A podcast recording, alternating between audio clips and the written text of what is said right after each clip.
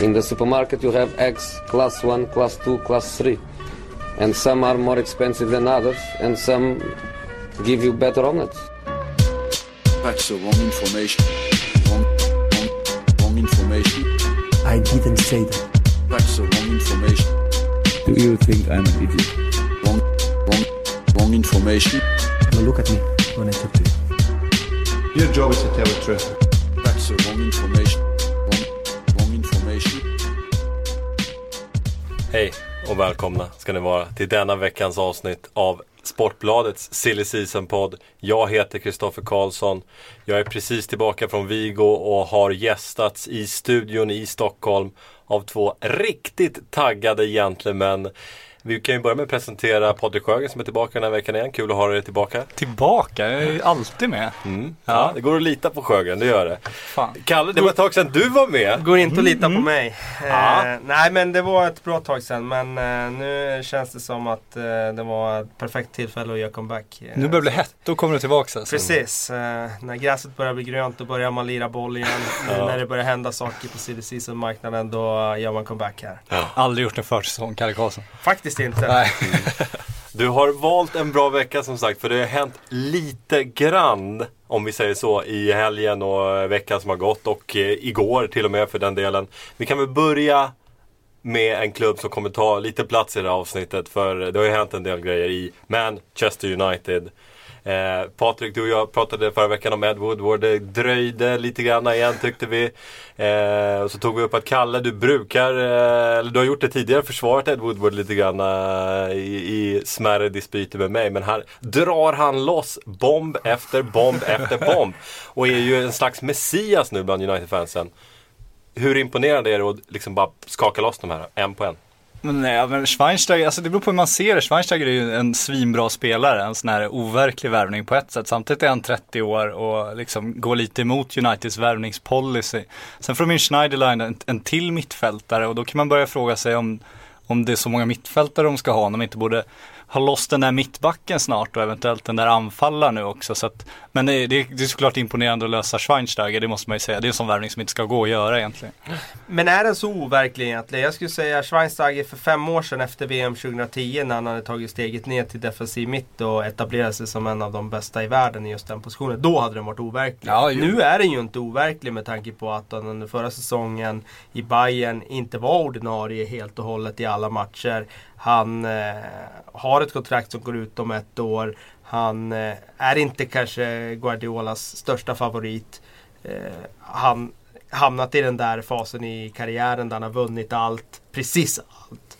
Och eh, borde söka efter en ny utmaning. Men Så jag tycker att det var rimlig, hårt i ändå. rimlig den eh, värvningen. Det klassiska. Bayern, vad fan.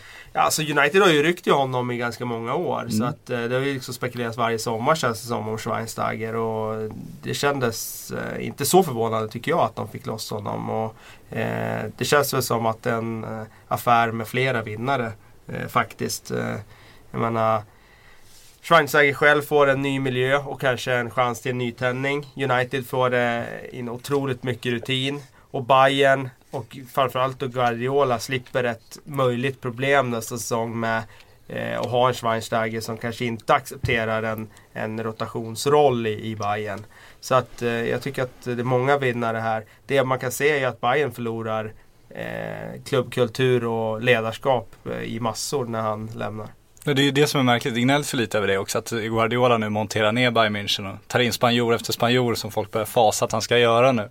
Det finns väl ändå förluster, alltså tidigare har man ändå hållit hårt i just de här, det är de som inte varit flyttbara, framförallt inte från Bayern München. Nej absolut och det är, det är en fair point. Men samtidigt så för varje storlag som byggs upp så kommer det ju eh, en tid när man måste förnya. Och då får vi ju se här om några år om, om det var rätt läge att förnya eller om det inte var det. Men ofta tycker jag vi pratar i de här poddarna om att nu är det dags och, och, Ja. och nu är det verkligen dags. Eller nu är det egentligen, de gjorde det här för sent. Men Guardiola har ju alltid varit den som kanske ligger lite i framkant när det gäller just den här förnyelseprocessen. Så att det är väl naturligt att han är den som kanske gör det lite för tidigt då kanske om det blir så i det här fallet.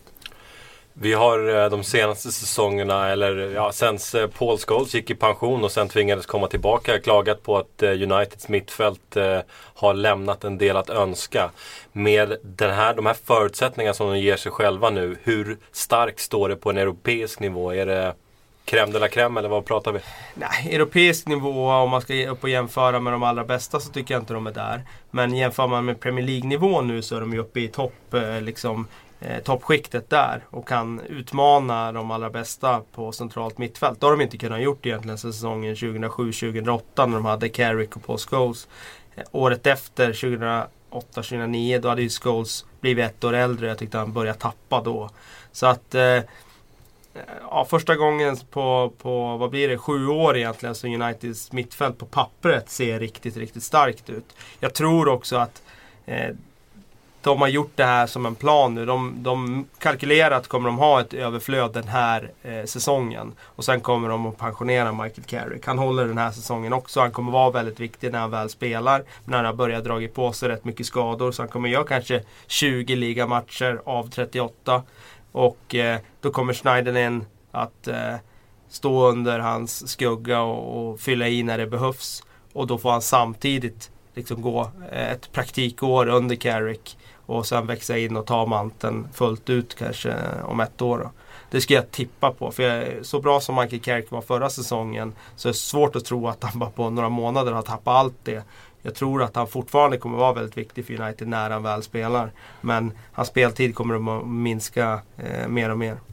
Men de andra lagdelarna då? Nu, säger, nu hyllar vi innermittfältet, eh, det de saknat tidigare. Men tidigare har de ändå haft ett mittförsvar som har varit imponerad av ett anfall med en bredd som han varit imponerad av. Där är det ju väldigt tunt nu. Ja, det är, ju, det är ju egentligen otroligt. Det är häpnadsväckande att man kan lägga så mycket pengar mm. som de har gjort de senaste två åren och ändå ha de här luckorna i truppen som de har. Och det är ju för att Förra sommaren så fick de ju inte in den där mittbacksförstärkningen som de hade behövt. Så då står ju med det där problemet fortfarande. Ja. Och det, det, är där de måste, det måste de få in. Och det, det, är ju samma problem för alla klubbar att få in den där spelaren. För att riktigt, riktigt bra mittbackar, den där mittbacken av Nemanja Vidic snitt, den finns ju inte på marknaden. Och jag menar, City letar ju också efter den där spelaren och det är flera klubbar som gör det. Eh, men eh, de har ju hamnat också i en svår situation med de Gea-grejen. Att ja visst, eh, ta in Ramos då för de Gea. Men då har du ju problemet med att då måste du hitta Exakt. en målvakt istället. Så sen... att, eh, de behöver, I nuläget behöver de definitivt få in en mittback. Om det är Ramos eller Otamendi får vi se. Eller någon annan. Eh, sen eh, blir det intressant att se hur de resonerar kring den anfallsplatsen som de också måste tillsätta. För Hernandez räknar jag med försvinner. Eh, jag tror inte han accepterar att vara andra, tredje anfallare eh, igen på Trafford. Eh, Rooney är för bra för att sitta på bänken.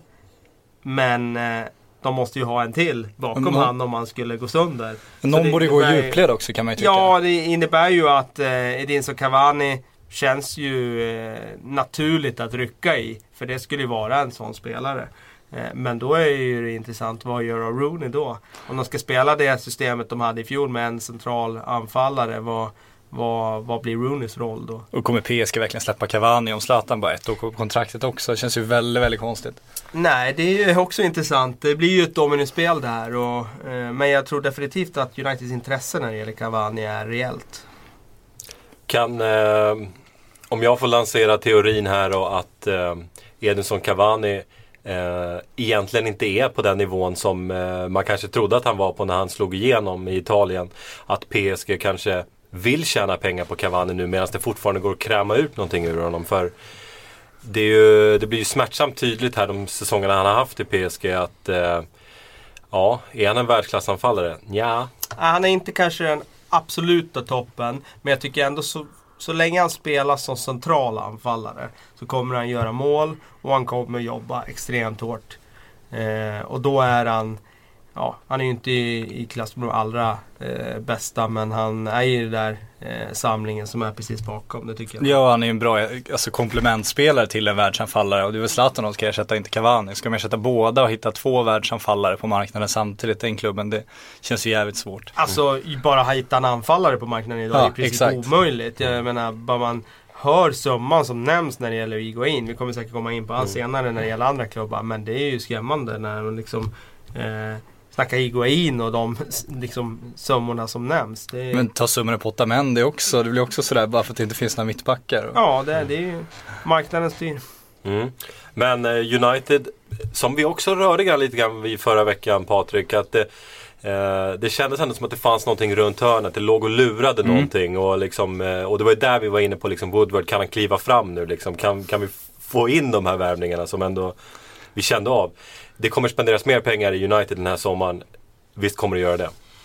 Det kommer det göra. Eh, jag räknar också med att det kommer säljas några spelare här. Jag skulle ju tro att eh, Angel Di Maria till exempel, med tanke på att han avslutade förra säsongen, hur bra det fungerade med Mata i en kantroll. Att Depay har kommit in, att eh, Young finns där med den starka säsongen han har i, i ryggsäcken.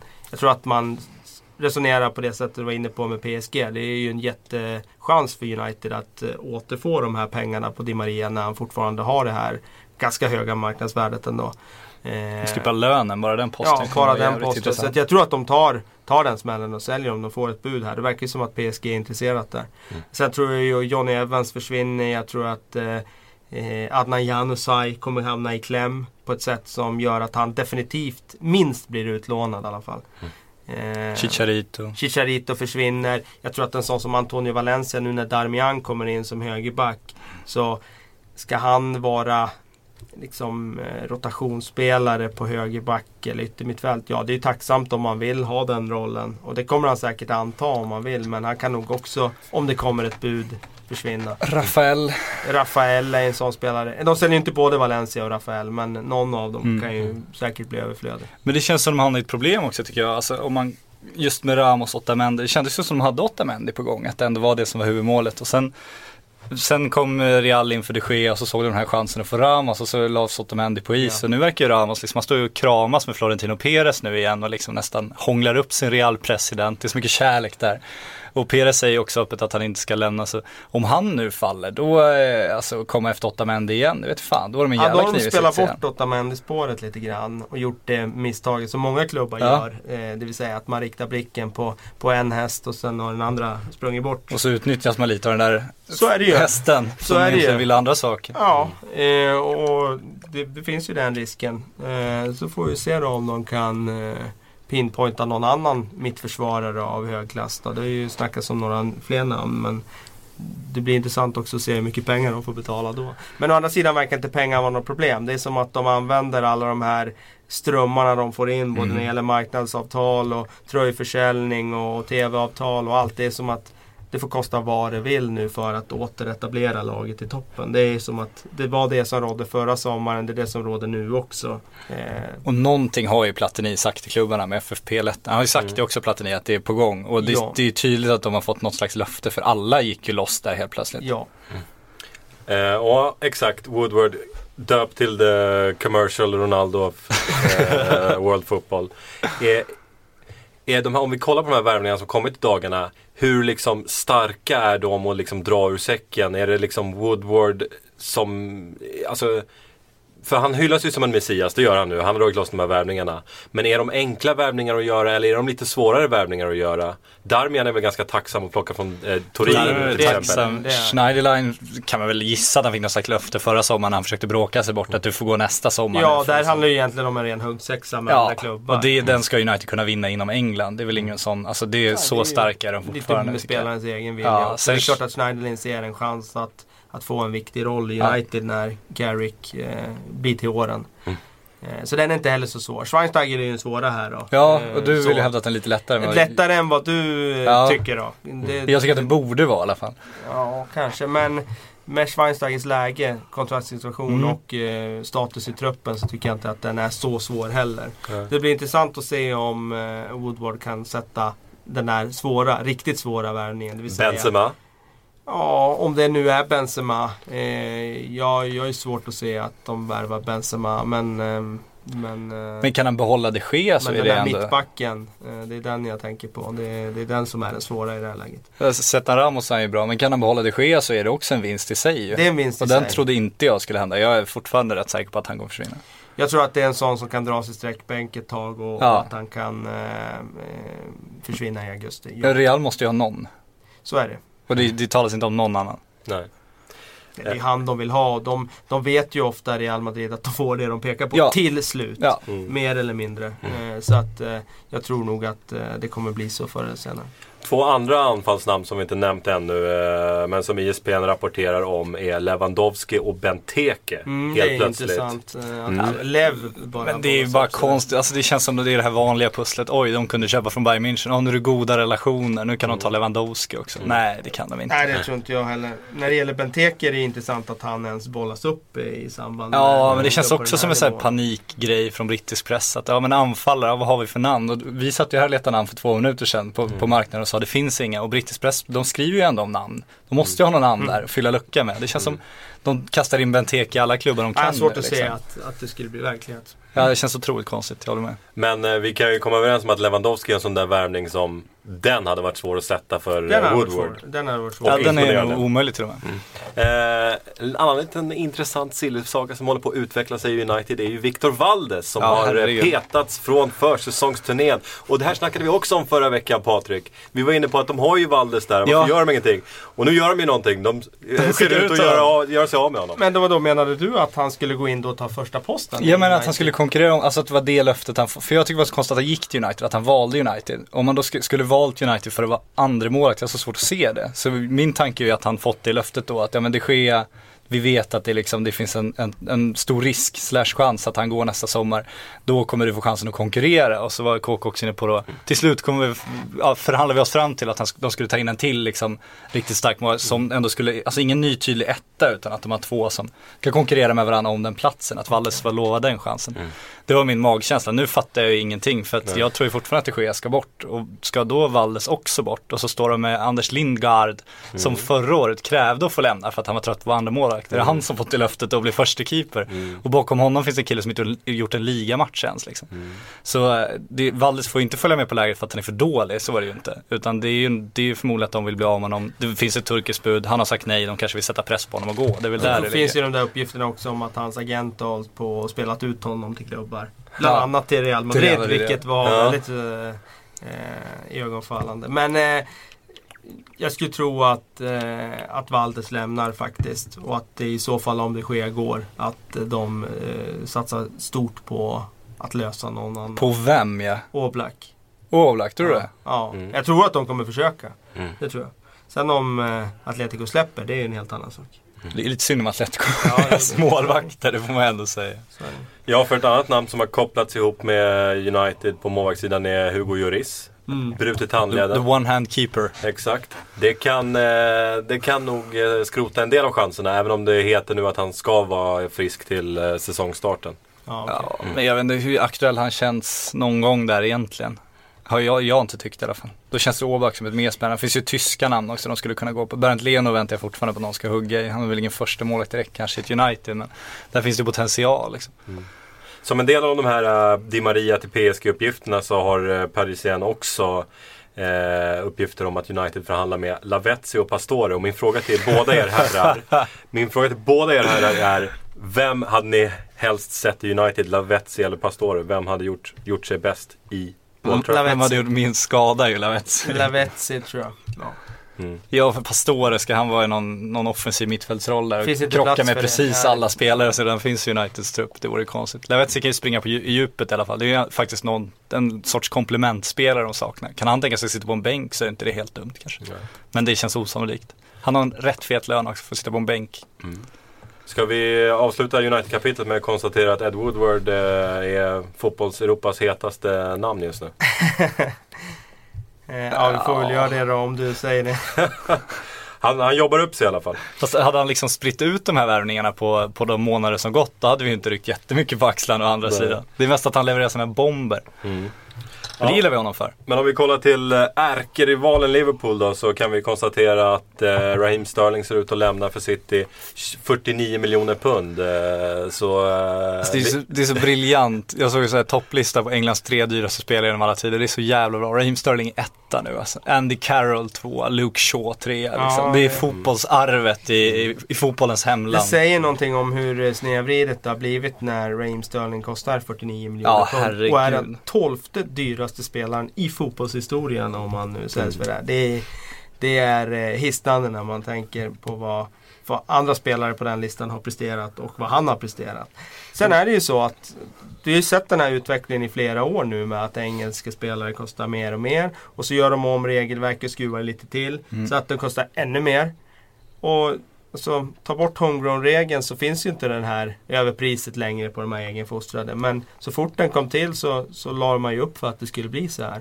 Och det är klart att eh, skillnaden mellan 40 och 49, alltså det är fortfarande väldigt mycket pengar. Men alltså det blir ju en fråga av hur mycket behöver City en engelsk spelare? Ja, extremt mycket. Eh, de har ju inte engelska spelare, bortsett från Joe Hart, som är etablerade i startelvan och som, som, som spelar där långsiktigt. Så att ehm, det, det, det känns eh, inte så förvånande ändå att det blir en hög summa för honom. Ja, det handlar ju också om fotbollsutveckling. Alltså, en sån summa, är, alltså, det var någon som sa också Bayern köpte Ribéry och Robben för lika mycket pengar Ja, som men det de var ju en länge Jo men sedan. exakt, Det jo men det är det jag menar. Det har hänt väldigt, väldigt mycket. Så att 49 miljoner pund nu är inte vad 49 miljoner pund var för 10 nej, år De där sedan. jämförelserna, de tycker jag är, de missar målet helt. Mm, jo, men För, exakt. Jag menar, någon skrev ja, Real Madrid värvade Zinedine Zidane för. Ja. Ja. Liksom, men alltså det var ju en helt annan fotbollsvärld då.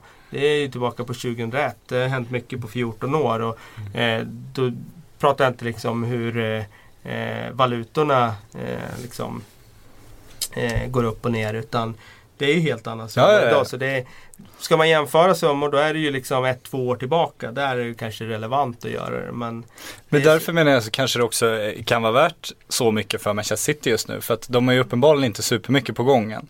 De har väldigt mycket pengar att spendera nu när FFP-grejen lättades. Ja. De har ju råd. Varför ska de då inte ta den här killen som, om det, om det lyckas kan de ha nytta av honom i, i tio år. Slår man ut det på det så är det ju inte jättedyrt på det sättet. Så att det går ju ändå att motivera även för dem, även fast det är liksom Liverpool bara ska dansa och glädje över att ha fått så mycket pengar för den spelaren såklart. Men det, jag kan också förstå City. Eh, Du är inne på homegrown-regeln Kalle. Jag får nästan känslan att du eh, skulle vilja skrota homegrown-regeln. Är det så? Nej, det finns ju flera sidor av myntet. Jag tror att man, i England måste man ha den när man hamnar så långt efter spansk och tysk talangutveckling. Eh, skulle man inte ha den då skulle liksom Premier League svämmas över än mer av spelare från andra länder. Och då skulle det bli ännu färre engelsmän som slår sig in i, i högsta ligan. Så att jag tror att den, den sitter nog bra där den sitter, den regeln. Eh, jag är oroad ändå med den regeln om hur få engelsmän det är som spelar i högsta ligan. Jag menar jämför mellan ligan där man ligger på en 70-procentig beläggning med inhemska spelare medan Premier League ligger långt under 50 procent. Nere på 30 kanske ibland. Och då, då, då är det någonting som har gått fel tycker jag. Jo men det är ju kanon att det blir så dyrt. Det ska ju vara överpriser för att det är då det blir motiverat att fostra egna talanger. För det är ju svindyrt att fostra egna fotbollsspelare, så är det. Så då måste det ju bli ännu dyrare att köpa färdiga engelska fotbollsspelare för att de ens ska vara motiverade att liksom fostra dem. Så att det är ju, det är ju bra för engelsk fotboll att de är dyra. Är det en ond cirkel kanske att engelsmännen då, när de säljs så säljs de för otroliga summor och det här snacket kommer återigen liksom, gud vad dyr du är, Ja. du ska vara Ja, bäst. det ska Kom igen, här har du Så lite är det press. ju. Och det, är- det är klart, jag menar det är inte bara eh, eh, Sterling där som har drabbats av det här. Jag menar ta en sån som Luke Shaw. Hade han värvats i fjol för 12 miljoner pund. Ja men det är ingen som hade sagt så mycket om att han har varit skadad första säsongen. Nej, nej. Spelade sporadiskt och gjorde någon bra match där när han väl fick lira. Men en lite halvdan säsong. Men nu kostar han avsevärt mycket mer än 12 miljoner pund. Eh, och då blir det ju eh, direkt en, en, en snackis om är det här den sämsta värvningen som någonsin har gjorts av en försvarare i Premier League. Alltså mm, det är klart att det skapar en, eh, en negativ stämpel på de här inhemska killarna. Sterling, han är inne på, eller eh, Rodgers menar jag, är inne på att eh, förhållandet med Sterling är, är inga problem alls. Det har varit Perfekt. hur bra som helst eh, och det är inte alls anledningen till att han lämnar. Tror du på det Sjögren? Nej det tror jag inte, men jag- det kan tycka att det är rätt snyggt skött också. Alltså ska han ut och såga en så ung kille, det är lite onödigt. Han har hela tiden riktat sin ilska mot agenten och oavsett om det är sant eller inte så tycker jag det är jävligt snyggt gjort av honom. Att inte liksom för det är onödigt att skicka fansens vrede mot Raheem Sterling. Han har redan liksom fått mordhot och så vidare kan man ju läsa idag. Och det, varför ska Rodgers då vara så Elda på småaktig? det, ja. Exakt, och elda på det. Så det är jätte, han är ju den större personen här. Det är skitsnyggt gjort av honom. Sen t- tror jag också att han är ganska pragmatisk här. Alltså andra spelare runt om i världen ser ju hur behandlar den här tränaren Mm. sina Ja, spelare. så också. liksom. så, ta Sir Alex Ferguson. Han har ju kört det där jämt. Alltid skydda spelaren, skylla alltid på agenten. Spelar ingen roll hur, hur eh, Wayne Rooney betedde sig. Det var alltid Paul Stretfords fel. Ja. Eh, att han ville flytta till City plötsligt. Så att eh, ja, jag tycker också Brennan gör rätt i det fallet. Och sen, han hade ju blivit förloraren i affären också om han hade gått ut och sagt ja men han har bråkat sig bort, det var en ohållbar situation. Då blir det ju att Liverpool tvingades sälja. Nu kan de ändå någonstans komma därifrån med att säga, vilket de försöker, det, det kan man ju tolka som man vill. Men att de fick ett så bra bud så att det var värt att sälja också. Det är klart alla vet att han bråkat sig bort, men någonstans om man ska tala kommunikationsstrategi så är det väl rätt smart. För visst är det en bra försäljning av Liverpool? Kvaliteten man säljer till priset man får. Ja, alltså hade han inte bråkat och det där budet hade kommit så är man helt övertygad om att de hade övervägt det. Sen vet jag inte om de hade, hade accepterat det på grund av den prestigeförlust det ändå är. Men det, när han nu uppenbarligen har bråkat sig bort så är det jävligt bra gjort att få så mycket betalt för det. En spelare som inte är engelsman, men som ändå sägs gå för otroliga pengar i sommar är Christian Benteke.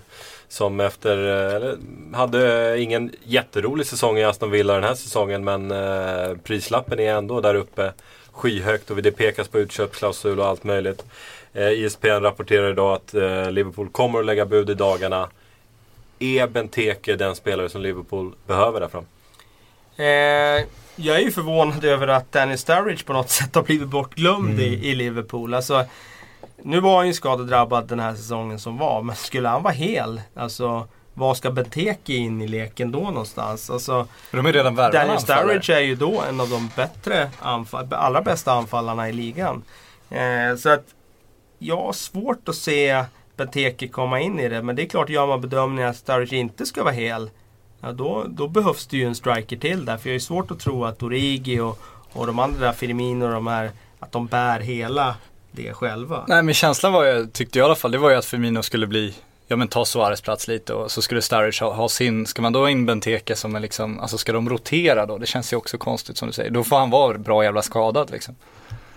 Men ja, äh, men Benteke känns också som en sån här ryktesfluga i England. De, har- de har kört på honom ett tag nu, de fortsätter kasta upp det namnet gång efter annan. Det är ingen gång hittills som det känns som det riktigt hettat till. Jag tror att liksom. hans agent faktiskt i det fallet eh, bidrar rätt mycket Ja, till det. Jag skulle gissa det. För att eh, Benteke själv efter förra säsongen var ju ganska tydlig med att han såg att nästa Mm. steg var en flytt nu.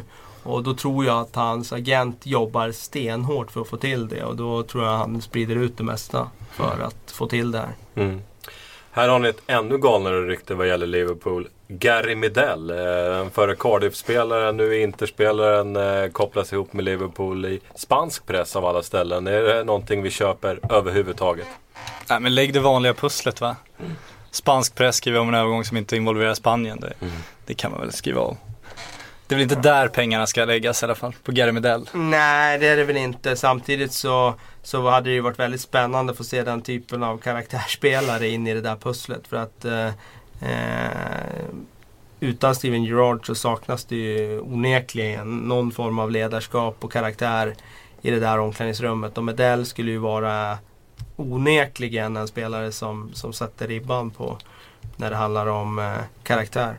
Och hade ett starkt Copa America också så eh, vi eh, kanske, kanske, kanske. Eh, Arsenal.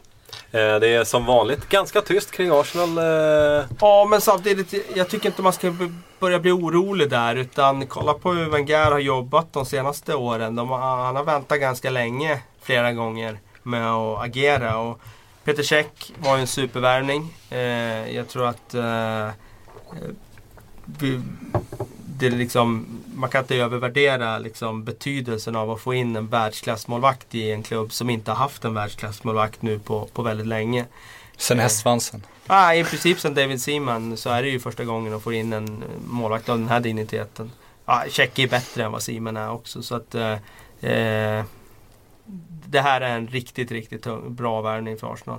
Eh, nu känns det som när eh, om de nu gör bedömningen att Coquelin ska hålla, Arteta förlängde ja då det, finns det inte plats för någon defensiv mittfältare där. Då är det en anfallare som ska in. Och det blir intressant att se om de löser Blir- den. Det Blir är, Benteke då? ja, det är... Bara kasta in det igen. Nej, jag tror inte det. Men eh, skulle, Lavezzi, Cavani. Jag, skulle, ju- jag skulle ju tro att de är väldigt sugna på Benzema eller Higuain. Eh, Men kan vi sluta men, prata om Benzema nu? men- fan, men grejen är- jävla podd. Men grejen är att när, när, man, när man hör de summorna som nämns kring Higuain så är det svårt att tro att Wenger ska betala det. Det är ju... Eh, ja, det, det visar ju bara hur sjukt eh, eh, det har blivit när det gäller anfallsjakten i Europa. Blir det inte en Lacazette? Känns inte det som? Ja men är han där en striker som, som ska bära anfallslinjen själv? Nej men kommer de lösa den spelare de vill ha? Det brukar ju landa i någon sån typ av spelare. Ja, ett jo. andra, tredjehandsval liksom. Kan bli så. Kan bli så. Jag säger inte att det är deras förstahandsval, det är absolut inte det jag säger. Det är Nej. att det är där det förmodligen eventuellt kan landa. Eh, en annan intressant detalj jag skulle vilja höra Då med. blir det väldigt intressant att se hur de löser det där framme. För att då har de ju samma problem som i fjol. Att de Absolut. inte har riktigt den där topp eh, forwarden som, som vinner ligan åt dem. Men den är ju så svår för att Benzema, jag, jag vidhåller att han är, är mer eller mindre oflyttbar. Han måste göra sig omöjlig i Real. Jag förstår inte varför de någonsin skulle sälja honom annars nu. Han är fortfarande ung, han har jättestatus, jättepopulär, har sin roll, fyller den perfekt liksom. Och Iguain har, ju, har vi Ja, pratat det skulle om. ju vara det liksom. där med ryktena om att Rafael Benitez vill spela Ronaldo centralt. Ja, men hur mycket substans har vi hittat i det än så länge? Det känns ju tveksamt. Eh, Det vore intressant att höra vad herrarna har att säga angående just check situationen på målvaktssidan. För när det blev klart så fick jag frågan i eh, någon webb-tv-sändning här eh, i bygget. Vad, är det, vad hände med Chesney och, och Spina? Och jag var ju inne mer på spåret att liksom Chesney borde leta sig bort. Eh, för Ospina kom till klubben som andra målvakt. För honom är det inga problem. Eh, Chesney däremot, helt annan historia.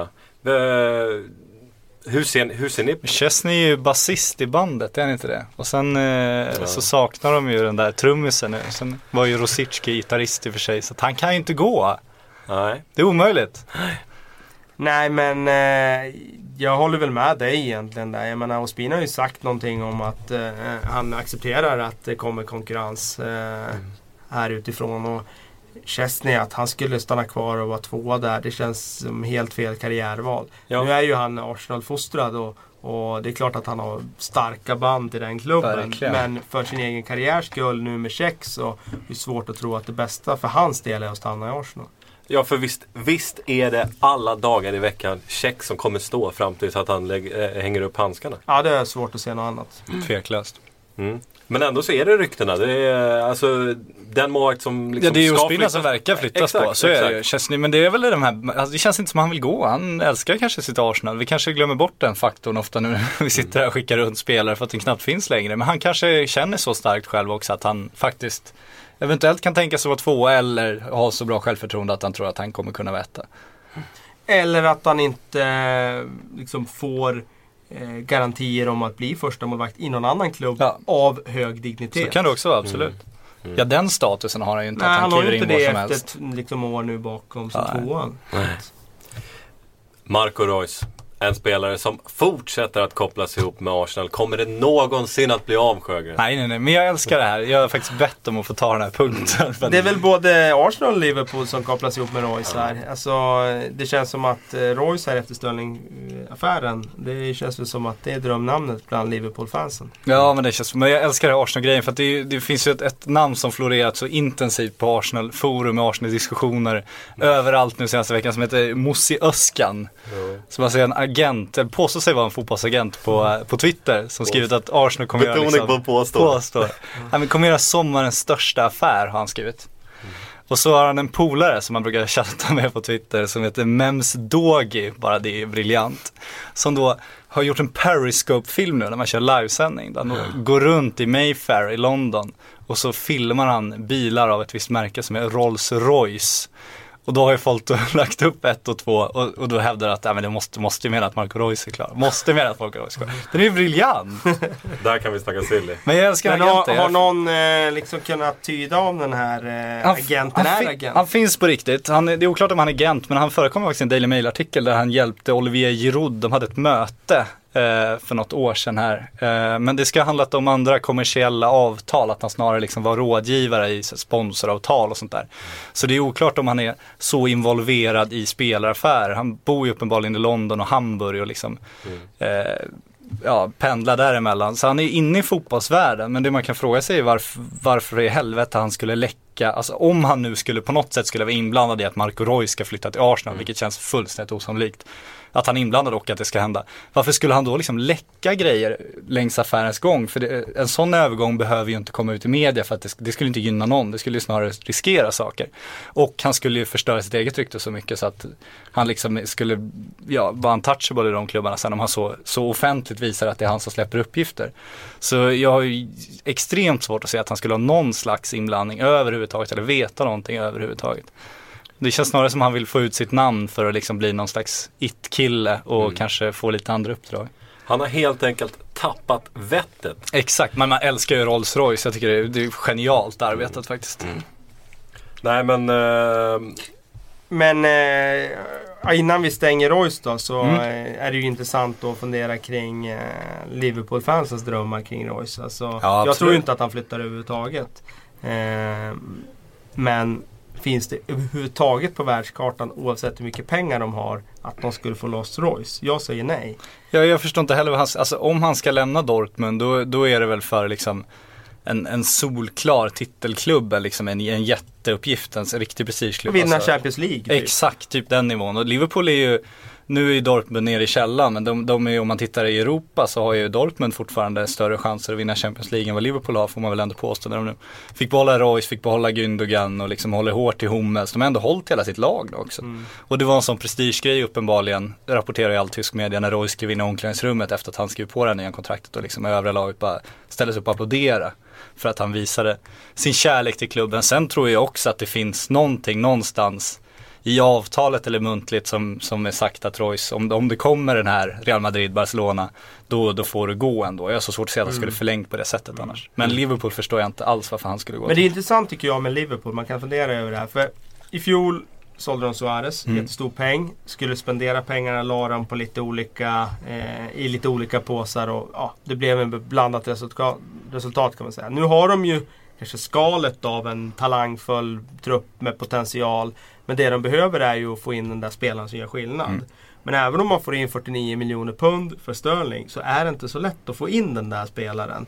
Eh, när du inte har Champions League att locka med, när du inte har ett löneläge som är jättehögt att locka med. Eh, jag har svårt att se att de skulle få in den spelaren, även om man vill få in den spelaren, spelartypen som är den där 45 miljoner pund spelaren. Jo men man svär ju lite i kyrkan och man kommer få så jävla mycket skit från alla galna svenska Liverpool-supportrar som det kryllar av. Med Soran Ismail med någon slags hö, jävla sax längst fram, vad fan.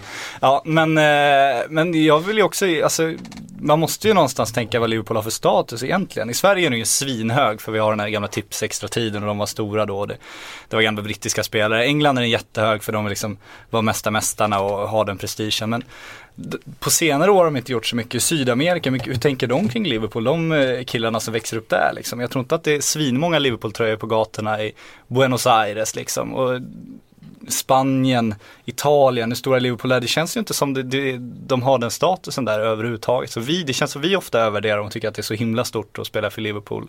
Men jag tror inte att liksom, dagens världsstjärnor tycker det. Det känns ju verkligen så.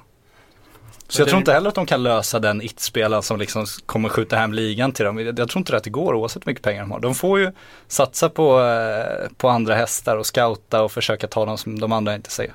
Ja. Och apropå Liverpool då, hur starkt står sig Rodgers namn som tränare? Om Royce kollar på, eh, i det här fallet Rodgers, vad tänker han om Rodgers? Det, han är väl, står väl inte sig lika starkt som han gjorde för en eh, Nej, två, inte för ett år sedan. Eh, så är det ju. Men eh, alltså jag tror, det är klart att tränarnamnet spelar väldigt stor roll. Men jag tror inte Rogers, varken åt det ena eller andra hållet, eh, alltså att han skulle vara för litet namn heller för att locka till sig en bra spelare. Det tror jag inte. Utan spelarna tittar på möjligheten att vinna titlar och lönekuvertet. Det är liksom det som lockar framförallt. Men han har inte den statusen ännu att han kan åka ut till en flygplats och ta med en spelare som är klar för en annan klubb tillbaka till, sitt li- till, sin, eh, ja, men till sin klubb. Det, där är han ju inte. Men jag håller med, jag tror ingen avskräcks av Brendan Rodgers, det tror jag inte. Nej, och i slutet på den gångna säsongen så var ju känslan att det var 50-50 om man ens skulle bli kvar den här säsongen. Eh, är han möjligtvis den tränare som blir av med jobbet först i Premier League den här säsongen? Jag tror att han kommer i och för sig att starta ganska högt upp på de listorna när det gäller när oddssättarna sätter eh, oddsen. Jag tror att nykomlingarna kommer som alltid vara högt upp på de listorna. Eh, men Rodgers kommer nog också vara eh, stå ganska lågt så att säga eh, på de listorna för att hans förtroendekapital är ju ganska litet efter den våren som, som de ändå gjorde. Och sen måste ju han, han har en knepig situation just för att vi pratar om den här statusen de ändå har i England. Fansen där förväntar sig ju stora resultat ganska omgående. Och kanske inte ser det att han inte kan han kan ju inte göra som United gjort nu när det gått emot och bara ta in världsspelare på världsspelare på världsspelare. Det går ju inte där. I så fall har de gjort det för Suarez-pengarna. Så vad kommer de göra det för Sterling-pengarna? Men de har inte de möjligheterna. Så då måste man ju justera förväntningarna. Det känns inte som de är justerade därefter riktigt. En tränare som inte kommer få sparken mitt under säsongen det är Arsene Wenger. eh, om vi ska stänga Arsenal-kapitlet. För han säger själv att en eller två värvningar till är målet. Eh, om vi utgår från att han sätter de målen. Är Arsenal en klubb som kan vinna ligan den här säsongen? Är de Ja. så bra? Ja, jag tror det. Eh, jag tror att Chelsea kommer vara lite sämre nästa år. Mm. Eh, jag tror att eh, Arsenal kommer vara lite bättre nästa år. Och den lilla skillnaden gör att de kommer att blanda sig i det på allvar. Så ja, de kan vinna titeln. Mm. Jag tror Check kommer göra stor skillnad. Det är ett antal poäng extra tack vare honom. Får de dessutom in den där en, två spelaren som Wenger snackade om. Eh, förhoppningsvis då den där anfallaren som eh, håller världsklass. Då tror jag definitivt att de är en eh, het titelkandidat. Jag tror de behöver en målkung också. Det Ja, känns det- som man behöver ofta, alltså du behöver en målvakt som räddar poäng, du behöver en anfallare som räddar poäng. Och det där känns det som de fortfarande har luckan. Och det är ju fan den svåraste luckan att fylla också i och för sig. Så är det. Eh, London-rival eh, i Tottenham eh, uppges vilja ha Miraya, Miralas och James McCarthy från Everton. Eh, är det två spelare som, som eh, är bra identifierat i så fall av eh, Spurs? Ja, alltså Mirallas tycker jag var väldigt mycket upp och ner förra säsongen. Eh, jag tycker inte alls att han levde upp till eh, den debutsäsongen han hade i Everton. Eh, jag eh, kan ändå förstå att klubbar tittar på honom. För han är ju väldigt irrationell, han är speedig och det händer saker när han spelar. Men jag tycker inte att han är så jämn så att han ska vara en sån där spelare som Spurs värvar och tänker att nu, nu har vi fått in en klassspelare. James McCarthy är ju mer intressant tycker jag för Spurs del. Det skulle vara en central mittfältare av riktigt, riktigt hög klass. Eh, Jag tror också att han är en sån som skulle ta nästa kliv om man fick en flytt till, till Tottenham. Då har han ju gått liksom Wigan, Everton, Tottenham, små steg hela tiden. Och ja, jag, jag, jag tror att för rätt pengar då är det en bra värvning. Eh, men det jag fastnar för när vi kollar Tottenham eh, i början av den här veckan det är L'Equipes uppgifter om att PSG vill ha Stamboli. Och då blir jag, vänta nu lite, vad ska han göra för avtryck i PSG? Kan ni berätta? Som han inte har gjort i Tottenham. Ja. Ja, alltså, jag tror att han dels har han ju avsevärt högre status hemma i Frankrike än vad han har i England av naturliga skäl. Jag menar när Montpellier vann ligan så var ju han ändå en av de viktigaste spelarna där. Och eh, var ju mittfältslunga som kunde springa hela dagen lång. Och kommer han till PSG så accepterar han att sitta på bänken. Han kan eh, gå in och göra skitgörat när eh, de möter eh, liksom Lorient borta en regnig onsdag. Eh, så att eh, jag ser i så fall bara som att de identifierar att de behöver en truppspelare. För jag tror, jag tror inte, jag kan knappast tänka mig att de köper en till startelvan. Nej men det känns också, de förstod ju vilket fel de gjorde med Kabay där. Han värvade ju dem som truppspelare men han tyckte ju inte själv att han var en truppspelare. Det, det ska ju sig grovt. Nu har det till och med pratats om Albin Ekdal till PSG så att eh, det är ju tydligt att det är liksom den bänken som de i första hand ska värva till. Och då är det väl inte så dumt att ha en, en sån kille som kanske kan känna lite för den klubben också. Vad tror vi annars om Tottenhams trupp i dagsläget? Eh, spontant känner jag att Pochettino också är sånt där namn som, som kan ryka under den här säsongen. om det inte ja, du, ja, okej du menar så ja. Få sparken. Mm. Jag trodde du menade att han skulle tvärtom. Alltså att han skulle handplockas av någon annan klubb. Nej, inte riktigt. Ja, det var Nej, men helt andra jag, jag blir orolig när jag kollar över hans trupp. Jag skulle vilja se lite mer stora namn som ryktas in. Eh, Det är fortfarande en trupp med potential snarare än Ja. liksom, eh, etablerade spelare och klass. Och, så att, eh, Och de får ju behålla den, det är de, in- också en de får poäng. behålla dem ett år till och det är ju en fördel då med att Mm. Tottenham inte var så bra så att liksom, de blir sönderköpta som SA-15 har varit nu två år i rad. Utan de har varit sådär lagom bra så att ingen klubb liksom nyper deras spelare och det är väl Kane då som i så fall är den som klubbarna tittar på. Men eh, han är ju lite för bra istället och betyder Ja. lite för mycket för den klubben så att då säljer de inte av den anledningen istället. Så att eh, de, rimligen borde de ju vara bättre den här säsongen än vad de var i fjol. Men jag tror inte att de räcker till när det jämför med de, de klubbarna som kom- kommer slåss om Champions League-platserna. Om de inte värvar. mm. eh, De har i alla fall, det är, men alltså, om vi lägger till på Spurs, de har i alla fall tänkt rätt nu med att verkligen förstärka upp försvaret. Alderweireld är ju en jättebra värvning för dem. Eh, Kieran Trippier tycker jag också är en bra värvning.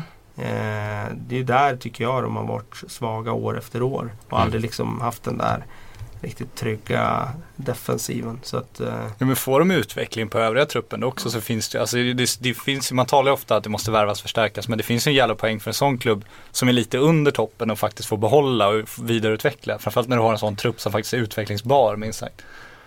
Så det, det kan ju lyfta ändå.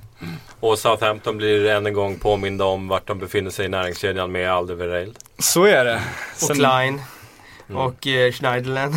alltså det, jag, jag tror tyvärr när det gäller Southampton nu att de klarade ett Ja. år, bli sönderköpta. Eh, för då fick de ändå behålla eh, en ram i startelvan som ändå var eh, rätt stark. Och jag menar visst de tappar Ricky Lambert men det var inget problem eftersom de fick in en bra er, ersättare i Pelle. Liksom. Eh, de tappade eh, liksom spelare så lyckades de fylla igen de hålen ganska eh, bra. Jag menar Chambers var ju ingen stor förlust för dem. Klein fanns ju i bakfickan. Men att återigen nu bli sönderköpta, vilket de i princip blir med Klein och Schneiderlin. För det är deras två viktigaste spelare. Eh, tycker jag. Och eh, då eh, tror jag de får riktigt, riktigt tufft i år. Eh, och med tufft menar jag inte att de automatiskt kommer åka ur. Men jag tror att eh, nu kommer de få slåss på den undre halvan. Det tror jag. Begovic har också varit en eh, rubrikernas man efter att han väljer Chelsea. Och eh, ja, då var vi inne på bänkspelare igen eh, vad gäller målvakter. Benkovic. Benkovic. Ja, det, var- där har vi ju smeknamnet på Ja, för honom. fan. Eh, hur, hur deprimerande är det att han eh, väljer Chelsea? Nej men jättetråkigt. Alltså det är sånt slöseri med, med talang tycker man. Alltså, det är ju så här, man pratar ofta om att fotbollsspelare måste ha stora egon för att lyckas och sådär. Och han kanske tror också att han ska, ska in och konkurrera där. Men om han ska konkurrera ut Courtois, som liksom, det, det, då ska han vara så sinnessjukt mycket bättre än Courtois också. För Courtois är så mycket yngre och Chelsea har ju liksom gjort en poäng i att han ska vara deras framtid. Så han måste ju inte bara vara lite bättre, utan han måste vara mycket bättre för att, för att kliva om där. Så det känns ju fullständigt osannolikt. Så att han eh, har väl eh, köpt sig en bra pension kan man säga. Ja, men det, det är ju tråkigt med Begovic att han, men det är ändå, någon ska ju ha den där posten. För Jo, de här storklubbarna vill ju alltid ha en Men, superbra men de andra används målvakt. ju knappt. Det är ju sånt slöseri. Nej, alltså, det ju- Sen de finns det kastar väl olika... stå som inlägg alibi. på uppvärmningen. Ja, liksom. sen var Lina alibi-målvakt i kupperna det kan man ju också stå över. Alltså det, jag tycker att det, det är sån lyx. Alltså jag förstår ju klubbarna absolut, men jag kan inte riktigt förstå spelarna som köper den och var den killen liksom. För den här situationen är ju ändå extra unik i det att den målvakten han ska försöka slå ut är Courtois. Som kommer vara världens bästa målvakt här eh, inom ett antal år i alla fall. Ja men lyckades inte check så känns det ju inte som Begovic ska göra liksom. Nej, det blir, det blir väldigt, väldigt svårt. Ja, men jag tror att spelarna resonerar som varit inne på tidigare. Liksom, de, de ser det som, de har tagit sig till den här nivån för att de tror på sig själva. Och i deras värld så tänker de att ja, men jag, jag går dit och, och krigar om dem. Med min förmåga så har jag chansen. Och kommer en skada kanske så får jag chansen. Ja. Och så tar jag den och så är jag så pass bra så att jag inte går att peta och så vidare. Och kanske får den där utvecklingen också som man eh, hoppas på. Så att, eh, men jag, är- jag är glad att Fabien Delf inte eh, tänkte så utan att han eh, tog sitt sunda förnuft till, eh, till sig och eh, valde att stanna i Aston Villa. För att det hade ju varit en liksom, sån flytt som vi har sett tidigare. Man, eh, man går till det där storlaget och sen blir det inte så som man har hoppats. Mm. Ch- Chelsea är annars nästa klubb att kopplas ihop med Pedro från Barcelona. Glenn Strömbergs favoritspelare som jag varit inne på Pedro. tidigare. Eh, är, är det en spelare som Chelsea behöver? Alltså, jag undrar ju vad Chelsea letar. Ska de ersätta eh, Quadrado och de här längst ut på bänken liksom? Är det de de ska ersätta nu? De här som eh, Schürrle har suttit där, De Bruyne har suttit och värmt liksom. Är det den killen de ska in? Då är ju Pedro en ganska dyr lyx. Även fast han som spelar typ förmodligen hade varit jävligt tacksam att ha en sån roll. För jag har ju svårt att se att han går in i startelvan där. Jag ser inte han, alltså han sliter ju och sådär, men har han de defensiva kvaliteterna är svårt att se. Han, han den fysiken som ändå krävs i, tycker man på det sättet Chelsea spelar, det är också svårt att se. Eh, Har den genombrottsförmågan, alltså från stillastående med, han kommer ju ofta i fart och Barcelona gör det väldigt, väldigt bra. Men det är också svårt att se, för Chelsea spelar faktiskt lite annorlunda. Jag tycker det, det känns som konstiga rykten. Och att Barcelona ska sälja utan att kunna ersätta och så ska de då sätta någon Ska Arda Turan få en träningskompis ett halvår nu bredvid bara i väntan på att kunna ersätta då? Det känns också jävligt märkligt. Mm. Då kan det bli som för Ben Arfa, ni får bildgoogla honom. Han mår inte jättebra efter ett halvår utanför fotbollen nu. Nej. Eh, nej, alltså känslan just nu med Chelsea är lite grann att eh, de har en jättebra trupp, det har de. Eh, det händer inte så mycket på transfermarknaden. Eh, men så har vi ju sett hur det har blivit med City tidigare säsonger när de har vunnit eh, titeln och sen valt att köra vidare. Livsfarligt kan det vara att inte hela tiden rensa ut, ut i truppen. Är det någonting som Mourinho kan, eh, en fälla som Mourinho kan gå i den här Ja, det tror jag att han kan göra. Ehm, jag menar, han hade ju under sin första session i Chelsea en, en liten fade där med Roman Abramovic när de var oense över hur de skulle förstärka. Och han ville ha en mittback den gången och han fick Talbenheim. Och eh, det var ju lite där deras relation eh, blev lite frostig den gången. Men, men alltså Känslan är ju att Chelsea, han sitter ju lugnt i båten för han vet att det är inte så många positioner som han egentligen behöver förstärka i startelvan. Men nog är känslan att Chelsea skulle behöva bredda truppen med någon spelare. För det kändes ju lite tunt ibland och i och för sig så de klarar sig ju från allvarliga skador eh, i mångt och mycket och då, då klarar de ju av att och, och styra det till en ligatitel ändå. Men någon spelare till in, det, det tror, tycker jag nog att de skulle behöva bredda med. Jag tror ju fortfarande att de drömmer om Gareth Bale. Mm. Eh, och att han i, då, i så fall skulle spelas som, som tia hos dem. För det, det var väl lite grann problemet under den här säsongen också just med Mourinho och det här äh, inte rotera och så äh, gör han det så småningom mot Bradford och äh, då var jag där. Gick då var, sådär. Ja, då var jag där och då var han inte särskilt glad över de spelarna som hade fått chansen i den matchen och var inne på just det att jag, har inte, jag, kan inte, eller jag kan inte rotera min trupp. Jag har inte de spelarna. Häng, kastade spelarna rakt under bussen. Eh, vilket alltid är lite spännande att höra. Men eh, Ja, det är väl eh, just en mer bredd i truppen som man skulle vilja ha. Ja, jag tycker också att du borde ta chansen när du är, alltså vi, som du hyllade Guardiola nyss, Kalle, och det är ju helt rätt för att han ändå, som han gjorde i Barca, att när de var på topp så började han liksom göra om för att det är ju det är ju då det är så lätt att stanna av och bli City, att du litar på det gamla och så här. Och liksom tar du bort, eh, får du en knäskada på Eden Hazard, ska liksom William och Oscar vara liksom de, de kreativa krafterna. Det känns, de är väldigt tydliga rollspelare, gör de, ska- det de ska göra jättebra, men det känns inte som de kommer utvecklas ytterligare och bli de här världsspelarna. Borde man inte då när man har chansen nu kanske satsa verkligen hårt på något nytt sånt namn och kanske liksom rotera ut någon av dem för att man vet att de kommer liksom inte explodera med förhoppning att den här nya killen ska lyfta laget ytterligare en nivå.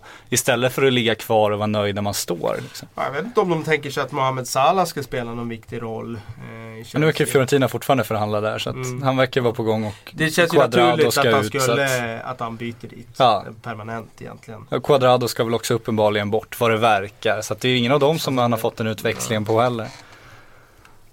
Ja, jag tycker det är, det är, en farlig fälla som han är, eh, riskerar att flörta lite med nu.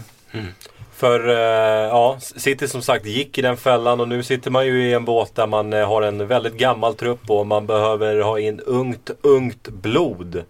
Raheem Sterling är ju ung, det är han. en annan spelare som är ung fortfarande är Kevin De Bruyne, den förre Chelsea-spelaren som fortsätter att kopplas ihop med Cit- City och det är han som ska ta den här uh, transfer spending över eh, ja, en miljard svenska kronor då.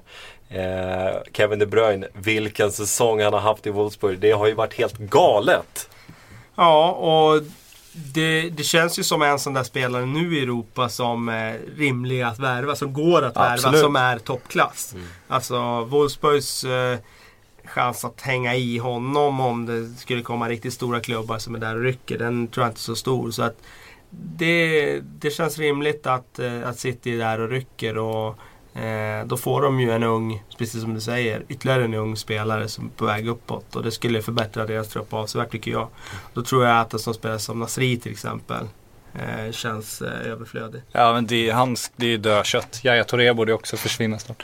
Men det, det som talar emot De Bruyne är väl som hans agent också varit inne på att liksom, han blev ju lite bränd av Chelsea. Mm. Det var ett steg han inte lyckades med. Ska han då redan efter en säsong åka till en, en liknande klubb i samma liga och försöka göra samma sak igen. Det är nog inte helt liksom, okomplicerat för honom. Hans agent har varit inne på att liksom, det finns ju Wolfsburg inget dumt ställe att stanna på. De kommer spela Champions League och han kommer få jättechanser där. Så det, på honom lät det som han i första hand siktar på ett år till där. Sen vet man ju inte, kommer ett jättebud så är det självklart att han kommer De Bruyne har en klok agent alltså. Ja, det välkomnar man ju verkligen. För annars brukar de här agenterna se till sin egen plånbok eh, i första hand. Men om han resonerar så eh, intelligent, då lyfter jag på hatten och säger vad kul. Ja, om han lyckas eh, lika bra ett år till också, De Bruyne, då kan det ju faktiskt komma liksom, alltså City är ju en av världens största klubbar, men han skulle ju kunna bli en av de riktigt, riktigt, riktigt heta mittfältarna i så fall, som skulle kunna liksom mer eller mindre välja och vraka. Mm. Så jag, eh, om jag var hans agent skulle jag också tycka att han skulle stanna ett år till.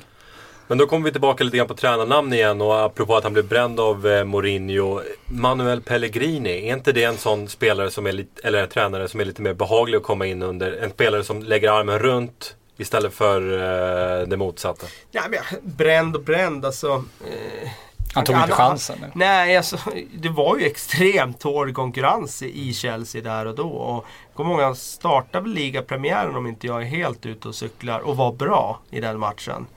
Men sen var det ju extremt hård konkurrens. Och jag vet inte om, om Min det var liksom Mourinhos fel eller liksom, Det var bara ett resultat av att det var väldigt hård konkurrens. Ja, min Jag- känsla var att han inte fick en ärlig chans. För han var bra i början. Han var bra i början. Och man var väldigt sugen på att se vad han skulle åstadkomma. Men eh, det blev aldrig liksom, det blev aldrig en ordentlig chans. Är det ett Nej. underbetyg till Mourinho? Nej, det vet jag inte om det är. Men eh, alltså Mourinho är väldigt, väldigt tydlig med vad han vill ha av sina spelare. De ska fogas in i systemet och så vidare. Och, menar, ingen kan ju säga att han har rattat Chelsea på ett dåligt sätt under de här två åren han har varit där nu. Att, eh, Men samtidigt, han har inte fått ut maximalt av sina spelare på något sätt. Alltså han har ändå fått se De Bruyne passera som sen exploderar. Han har sett Mohamed Salah passera som sen gör det väldigt, väldigt bra. Han har inte fått in Quadrado, han fick inte in André Schürrle som gör det bra i tyska landslaget, som vinner VM. Jo, men Schürrle är ju inte en spelare som är, ska vara ordinarie i Chelsea. Så. Ska han värva honom då? Det Ja, men finns då ju behöver vi i alla fall ha att ge den här där. tycker jag. Ja men behöver i alla fall ha den där truppspelaren. Jo men är det rätt kille, är det här rätt snubbar att satsa Ja. på när de bara kommer in och ut ett Nej det är det liksom? ju inte, men det är ju spelaren själv också som väljer att gå kanske. Det vet vi ju inte. Jag men då får man vara tydlig när man köper dem. Att det finns liksom, du, du börjar här bakom men du har alla möjligheter Men det där är alltid svårt. Alltså, jag tror att alla spelare de går med, med tron på att de, de vill. Ja, jo, självklart, Utvecklas det kanske inte till just det som de hade målat upp själva i sin, i sin, i, i sin egen värld. Så att jag tror att det där, det där är svårt att ratta och liksom få liksom spelare att stanna och vara nöjda med att sitta vid sidan. Ja, men jag tycker ändå det finns kritik att ge när sådana bevisligen riktigt, riktigt bra spelare bara passerar utan att han får någon slags nytta av dem. Ja, där kan jag faktiskt vara med dig Sjögren. Alltså, det du är inne på också, att han kan växa ut till en av liksom, eh, Ja. Europas giganter. Ja. Och så har vi honom i ett Real Madrid om fem år. Då kommer det ju se lite lustigt ut i backspegeln med en liten, liten sejour i Chelsea där. Absolut, ja, men det håller jag med om. Men vi vet ju inte om han gör det ännu. Eh, han har gjort en väldigt, väldigt bra säsong i Wolfsburg. Men vi vet ju ännu inte om, om han kommer ta Så det är där steget. Men om man går till City och imponerar och skjuter hem ligan till dem kommer det se ännu, ännu konstigare ut. Då kommer det, se, då kommer Ja. det såklart eh, vara en liten långnäsa för Mm. Mourinho. Det är upplagt för lite, lite ökad rivalitet här mellan Chelsea och City om De Bruyne skulle gå till City och göra succé.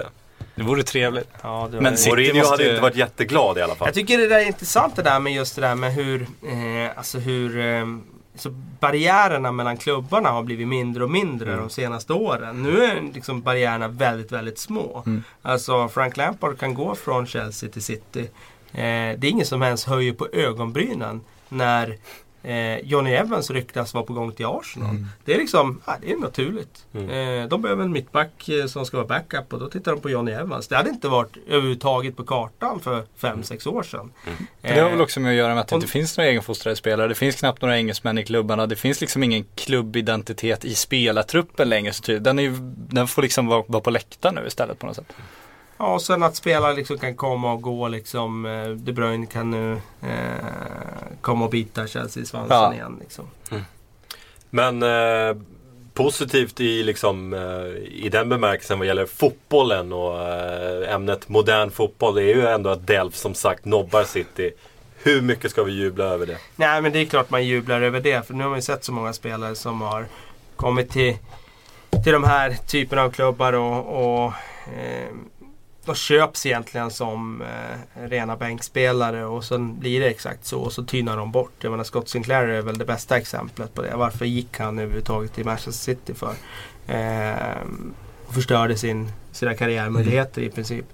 Eh, att Delf nu stannar när det ena dagen rapporteras liksom att ja nu går han och sen att det blir den här helomvändningen till att han ändå säger nej jag, jag, jag stannar. Den, det ska vi verkligen jubla över. Eh, det applåderar jag. Men City för i helvete alltså, vad är det som pågår egentligen? Alltså de, de förlorar sin ligatitel. De eh, får FFP-lättnader, de har råd. De säger visserligen in Sterling, men jävlar vad still det står. De har möjligheter att liksom lösgöra jättekapital bara. De får iväg Yahya Touré och Samir Nasri. Det är jättehöga löner de, för spelare de, de eh, egentligen borde flytta på nu liksom. Alltså varför händer ingenting? Ja, det, det, det kan man undra. Jag hade ju räknat med att de skulle jobba stenhårt på att få in en riktigt bra försvarare här i sommar. Och vem det är, det är ju jättesvårt Ja. att, att pinpointa. Men nu står de ju där med den där backbesättningen som inte var tillräckligt bra den här säsongen som var.